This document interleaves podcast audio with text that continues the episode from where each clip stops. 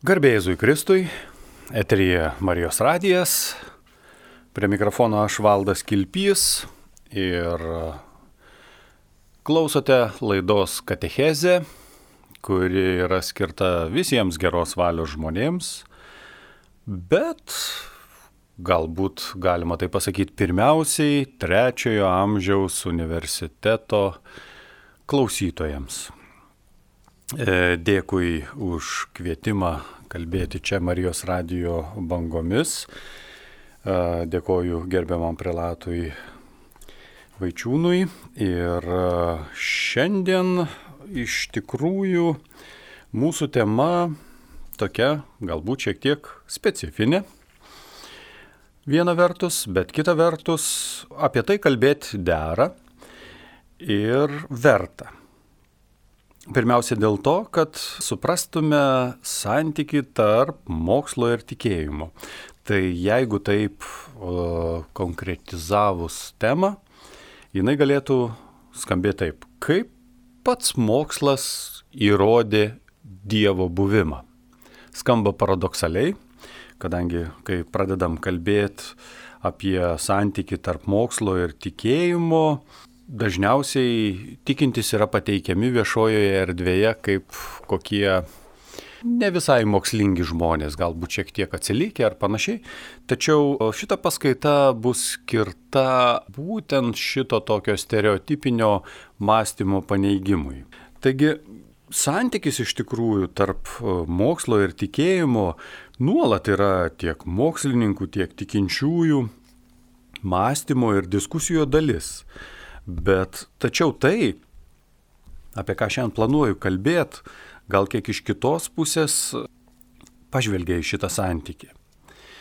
Tai, ką jau ir minėjau, sutikit, kad toks e, banalus ir nuvalkiotas mokslo ir tikėjimo santykio apibrėžimas, kuris yra labai gajus Lietuvos viešoje erdvėje, yra sėtinas pirmiausia su tuo, kad e, mes katalikai arba bendrai, sakykime, tikintis į Dievą, yra mm, viešoje erdvėje pateikiami tarsi kokie, nu, tokie nelabai susiprotėję, atsilikėliai ar ne žmonės, kurie nelabai pasitikė mokslu, o tie, kurie suprask remiasi mokslo laimėjimais, iš karto be jokių, kaip sakyti, įrodymų yra tapatinami su labai progresyviais, mokslingais ir pažangiais žmonėmis. Bet drįstu teikti, kad toks santykis arba toks santykio supratimas kyla pirmiausiai iš neapsiskaitimo ir net tam tikro tamsumo arba bent jau provincijos sindromo, nes paskutiniai mokslo atradimai kaip tik jeigu tie žmonės, kurie sako, kurie taip vertina tikinčiuosius, pasiskaitytų paskutinę mokslinę literatūrą, nu, paskutinę turiu mintyje pastarųjų penkių metų, tai suprastų, kad e, mokslo atradimai kaip tik kalba apie priešingus dalykus ir patys mokslo vyrai.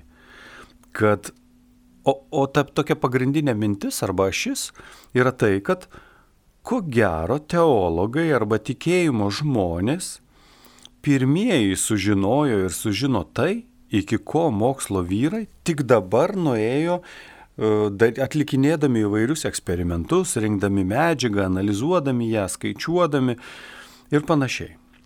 Žodžiu, užtikau įdomų straipsnį žurnale Time.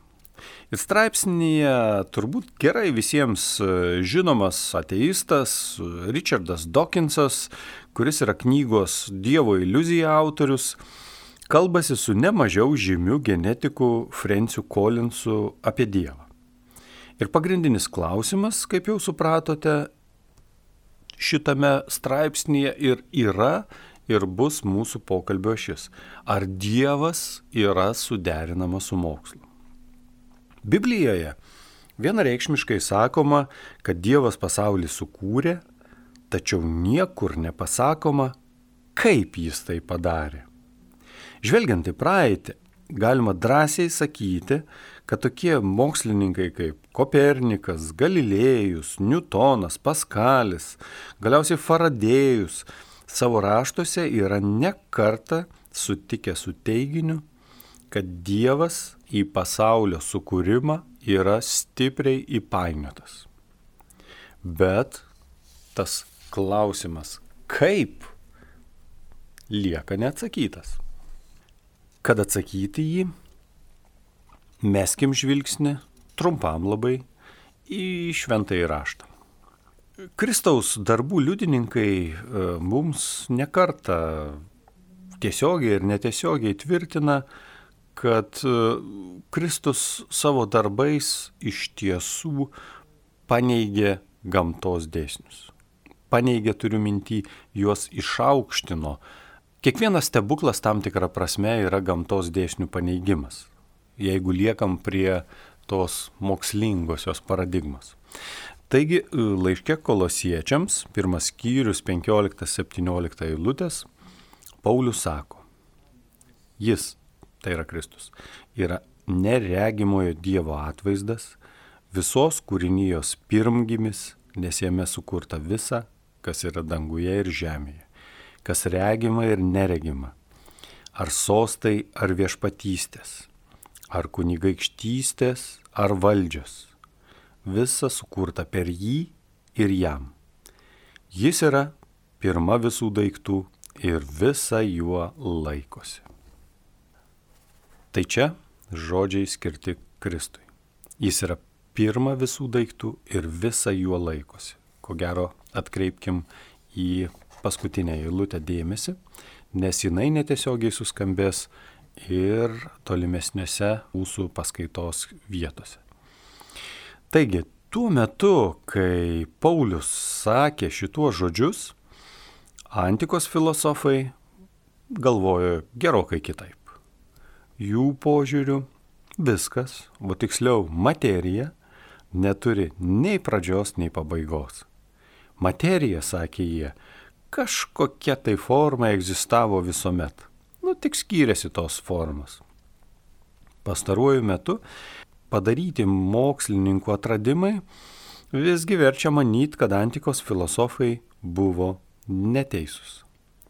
Nes mokslininkai dėl įvairiapusių tyrimų pirmiausiai astronomijos mokslo, astrofizikos, daro prielaidą, ir šita prielaida jau yra įrodyta, kad pasaulio pradžia buvo. Ir jinai yra vadinama būtent tuo a, žodžiu didysis sprogimas. Tai žodžiu, ta pasaulio pradžia ne tik buvo, bet yra net ir apskaičiuojama, kada maždaug jinai vyko ir kas vyksta po viso to. Ir darau prielaidą, kad šitas vyksmas ir pačios pasaulio pradžios buvimo faktas, žvelgiant moksliniu požiūriu, geriau negu bet kas kitas primiktinai mums rodo į kurėją, į jo buvimą. Nes kitu atveju visata tiesiog nebūtų atsiradusi. Ir pirmasis iš tų dviejų E, aspektų, apie kuriuos mes šiandien kalbėsime e, paskaitoje, iš tikrųjų yra sėtinas pirmiausiai būtent su astronomijos tyrinėjimais, o antrasis su genetikos, tiksliau DNR moksliniais tyrimais. Bet pradėkim nuo astronomijos. Vaiskę naktį galim pamatyti per 6000 žvaigždžių. Trilijonai jų lieko nematomas. Ir iki pat XIX amžiaus buvo manoma, kad paukščių takas ir yra be ne vienintelė galaktika, kuri egzistavo visuomet. Ir čia prisiminkime va, būtent tų antikinių mokslininkų e, manimą, kad materija egzistavo visuomet, kad nebuvo kažkokios konkrečios pradžios, kada šitas pasaulis atsirado iš nebūties. Bet 20 amžiaus pradžioje astronomas Edvinas Hablas, tai kas šiek tiek domisi astronomija, žino, kad Hablo kosminis teleskopas yra pavadintas būtent šito mokslininko vardu. Ir jisai tai toks labai unikalus uh, teleskopas, kuris skrieja Žemės orbitoje apie Žemę, kosmose. Tai žodžiu, tas astronomas Edvinas Hablas padarė išvadą, kad visata pradžią turėjo. Jinai buvo konkreti. Ir tada darome kitą prielaidą. O jeigu buvo pradžia, tai reiškia, buvo ir tas, kuris ją pradėjo, arba pavadinkime pradedantysis, arba šnekant aristoteliškai, pirmasis judintojas. Materialistai 20 amžiaus pradžioje išgirdę šito, šitą Edvino Hablo žinę labai pasišiaušė dėl tokių atradimų. Bet atėjo 1992 metai ir palidovo Kobe, angliškai rašosi C-O-B-E, atsiusti duomenys patvirtino prielaidą, kad didysis sprogimas iš tiesų buvo ir tai buvo nustatyta būtent moksliškais metodais. Daugelis mokslininkų suvokia, kad tai visiškai atitinka biblinius aprašymus. Iki vadinamojo sprogimo negalėjo egzistuoti jokia materija ar energija. Pasaulis iš tiesų gimė iš nebūties, iš nieko. Ir Nobelio premijos laureatas, minimo projekto vadovas Džordžas Smutas aiškiai pasakė, kad paralelės tarp didžiojo sprogimo ir krikščioniškosios pasaulio pradžios idėjos yra neabejotinos, net nediskutuotinos, nes kalbama apie vieną ir tą patį dalyką. Tiems griniesiems materialistams tai buvo nemenkas smūgis bet ne paskutinis, nes tyrinėjimai tęsiasi toliau. Mokslininkai paskaičiavo, kad tiek visatų radimuisi, tiek galiausiai žemė, sus, žemėje uh, esančios gyvybės atsiradimui reikalingos įtin preciziškai tikslios sąlygos. Čia kiekvienas temperatūros laipsnis ar slėgio matavimo vienetas gali iškreipti visą sistemą iki, iki vėl chaoso. Tai tos sąlygos e, sėtinos tiek su fizika, tiek su chemija. Tarkim, kad ir ta pati traukos jėga ir kitas e, planetos veikiančios jėgos turi būti išdėstytos labai siaurame diapazone, kad viskas po to didžiojo sprogimo vėl neišsisklaidytų į nieką, kad neatsirastų tas jovalas tarp galaktinėje erdvėje. Tuo atveju visata išsitaškystų į gabalus ir vėl vis, viskas grįžtų į e, pirmą pradį chaosą. Saulės ir planetų santykiai ir tarpusavio sąveikos jėgos yra įtin preciziškai, tiksliai apgalvotos. Ir jeigu pakeičiam bent vieną dedamąją, viskas subyra į šipulius. Panašiai ir su sąlygomis Žemėje. Be atmosferos nebūtų gyvybės, nes čia koncentruojasi deguonis, kuriuo kvepuojame, be degonies nebūtų vandens ir taip toliau. Nebūtų vandenilio, azoto, natrio, kalcio ir kitų elementų, be kurių gyvybė yra neįsivaizduojama. Mokslininkai pabandė paskaičiuoti, kokia tikimybė, kad šitie, pavadinkim, gyvybę užtikrinantis galaktikos nustatymai būtų galėję rastis atsitiktinai. Skaičiavimai labai paprasti. Ši tikimybė yra neįmanoma. Reikalingas kažkas ir žodį kažkas dera rašyti arba sakyti iš pačios didžiausios raidės, tai tas kažkas reikalingas tam, kad visus šituos, pavadinkim kabutėse, nustatymus padarytų būtent tokius ir jie paskui visi veiktų į tikslus šveicariškas laikrodis. Atsitiktinumas čia neįmanomas. Jeigu bent vienas kokia nors detalė laikrodyje yra kitokia negu kad buvo sumanyta, e, vadinkim, laikrodžio mechaniko, laikrodis tiesiog neveiks. Astronomas e, Džordžas Greensteinas klausė atvirai, Ar gali būti taip, kad mokslinių tyrinėjimų būdu, rezultate mokslinių tyrinėjimų susidūrėme su tuo, kuris viską sukūrė? Tokį pat klausimą savo uždavė ir Einšteinas savo kūrinyje Ideas and Opinions. The World as I See It. Arba lietuviškai išvertus idėjos ir nuomonės, pasaulis, kokį aš jį matau. Netikslus vertimas. E, beje, Einšteinas nebuvo religingas ir bet vis tiek kalbėjo apie genialų į visatos kurėją. Tai jisai tarė tokius žodžius savo knygoje. Vertimas mano. Cituoju. Tai protas su tokiu tobulumu, kad lyginant su juo, visas sisteminis mąstymas ir bet kokie žmogaus veiksmai yra visiškai menki ir nereikšmingi. Mokslininkai ir toliau daro nemažai tyrimų šitoje srityje, bet pagrindinis klausimas, į kurį atsakymą pateikia Biblija, yra apie atsitiktinumo neįmanomumą. Kažkas turėjo panorėti, kad visata atsirastų. Surikiavo tarsi koks uh, dizaineris ar, ar tarsi koks uh, aparatūros reguliuotojas visus pradinius nustatymus ir tik tuo met įvyko didysis sprogimas kurio pasiekmėje gimė visi pasauliai, galaktikos, visa tai, ką mes žinome ir ko dar nežinome. Dabar žvilgsnį nukreipkime kitą linkmę.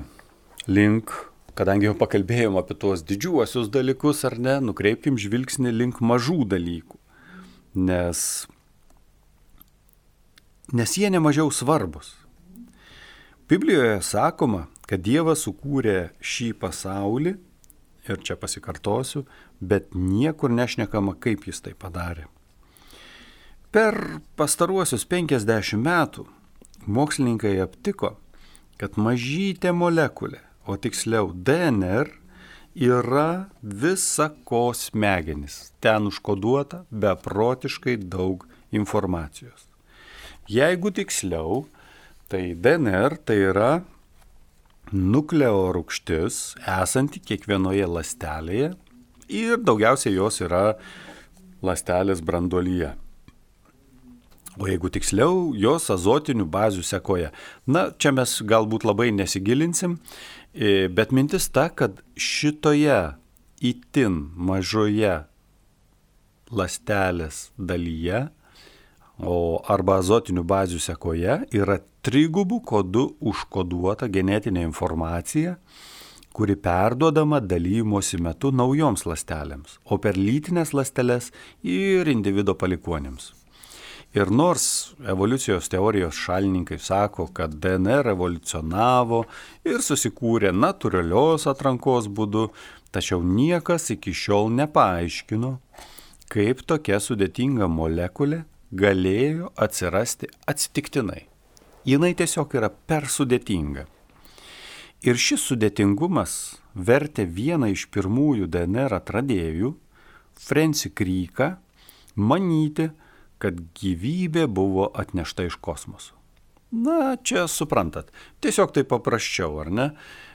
Kam kalbėti apie Dievą, jeigu yra ateiviai?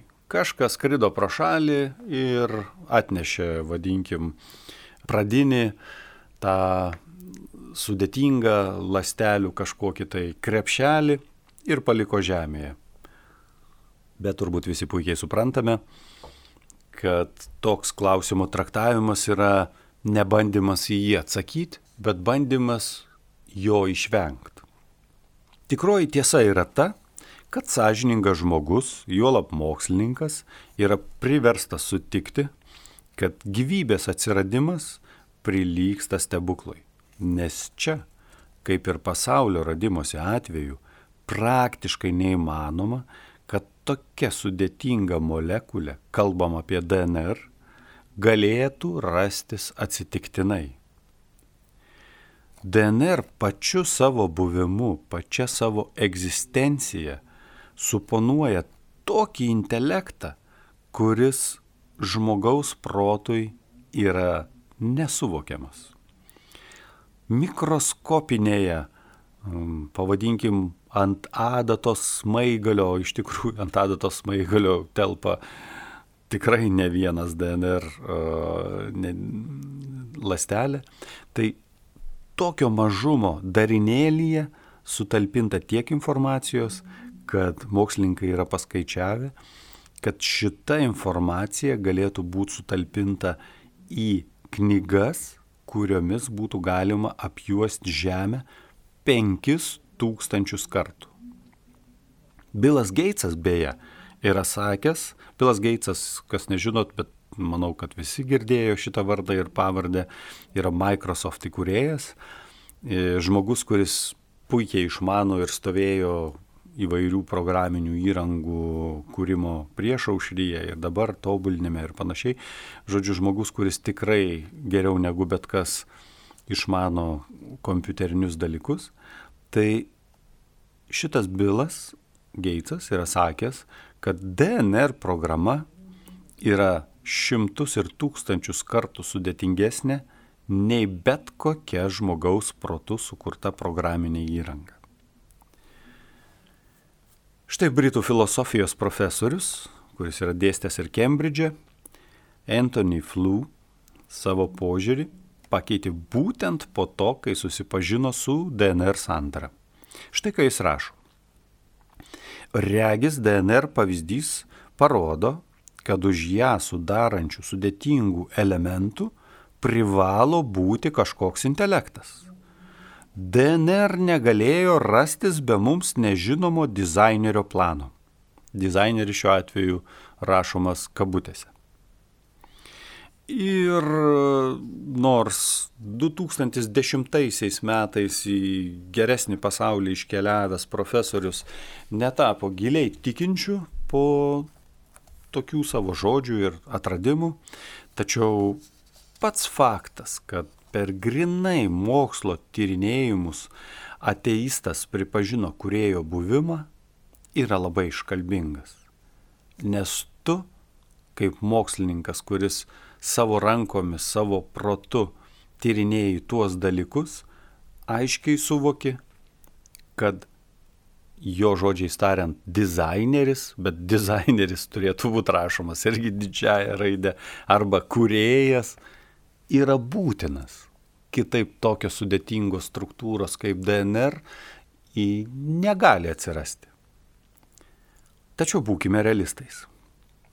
Tai, kad e, nemažai dabarties mokslininkų atvirai kalba e, apie tam tikrą pirminio judintojo būtinybę arba sujudintojo, visiškai nereiškia, kad e, tie mokslininkai tapo giliais tikinčiaisiais ėmė taip ir įtikėjo. Kai kurie, pavyzdžiui, tas pats jau minėtas e, Richardas Dawkinsas, e, priešingai, dar agresyviau bando neikti Dievo buvimą. Bet jeigu objektyviai bandyti pažiūrėti į visatos radimosi arba tą patį e, DNR sudėtingumo reikalą, tampa nebejotinai aišku, kad du mūsų apkalbėti aspektai, tai yra, vadinkim, žvilgsnis į išorę, į astronominius dalykus ir žvilgsnis tarsi gilyn į e, DNR reikalus, negali būti atsitiktiniai. Nes tai, jie, jie yra per daug sudėtingi. Tai yra kitaip yra tiesiog neįmanoma, nes dėl jų sudėtingumo, tikslumo, ir tobulumo reikalingas kažkas, kas stovėtų už jų. Arba, kitaip tariant, abiem atvejais reikalingas žmogaus protą ir atsitiktinumo dėsnius peržengantis anapusinis, pavadinkim, dizaineris. Vėl iš didžiosios raidės. Pateiksiu dar vieną mokslininko pavyzdį. Tai amerikietis, fizikas, profesorius Robertas Jastrow. E, jis buvo vienas iš tų, kuris e, sukūrė NASA. Jis dirba NASA, tai yra amerikiečių kosmoso reikalus tvarkanti institucija nuo pat jos įkūrimo nuo 1958 metų. Ir jo viena iš užduočių, tų, kiek jau žvelgiant į praeitį, buvo e, skaičiuot kosminių skrydžių trajektorijas dar Apollo kosminio erdvėlaivio skrydžių laiku, kada amerikiečiai leido kosminius aparatus į menulį. Taigi, e, būdamas agnostikas, jis taip pat aprašo savo mokslinių tyrinėjimų dinamiką. Knyga vadinasi God and the Astronomers arba išvertus Dievas ir astronomai. Išėjo knyga 1978 metais. Taigi, e, vertimas mano, e, cituoju. Mokslininkui kuris visada gyveno tikėdamas loginių mąstymo išvadų stiprumą ir svarbą, viskas pasibaigė tuomet, kai jis pasiekė aukščiausią savo tyrimų tašką.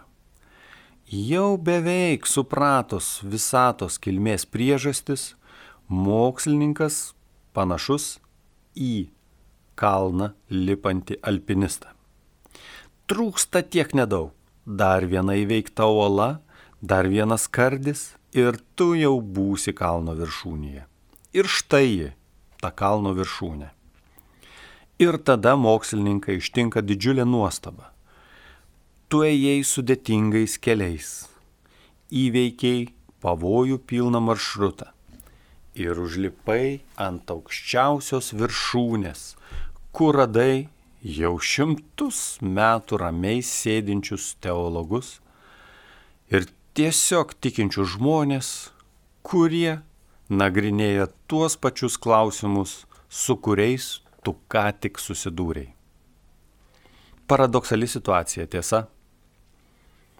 Mokslininkai daro krūvas sudėtingų tyrimų, nagrinėja tuos dalykus, kurie mums galbūt yra ne visai suvokiami, bet kaip sako šitas amerikiečių mokslininkas Robertas Jastrow, jie galiausiai atsiduria ten, kur mes galime būti, remdamiesi vien savo tikėjimu. Paradoksas. Nereikėtų manyti, e, kad Robertas Jastrow taip rašo savo knygoje, norėdamas pasitarnauti e, didesniam ir gilesniam tikėjimui, ar ne?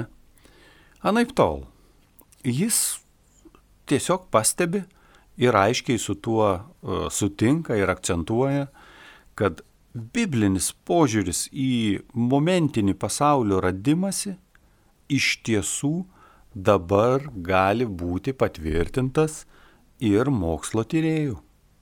Ir vadinamasis didysis sprogimas nebuvo atsitiktinumas. Tai buvo įtin preciziškai suplanuotas įvykis, kuris per milijonus metų sukūrė sąlygas rastis gyvybei ir galiausiai žmogui.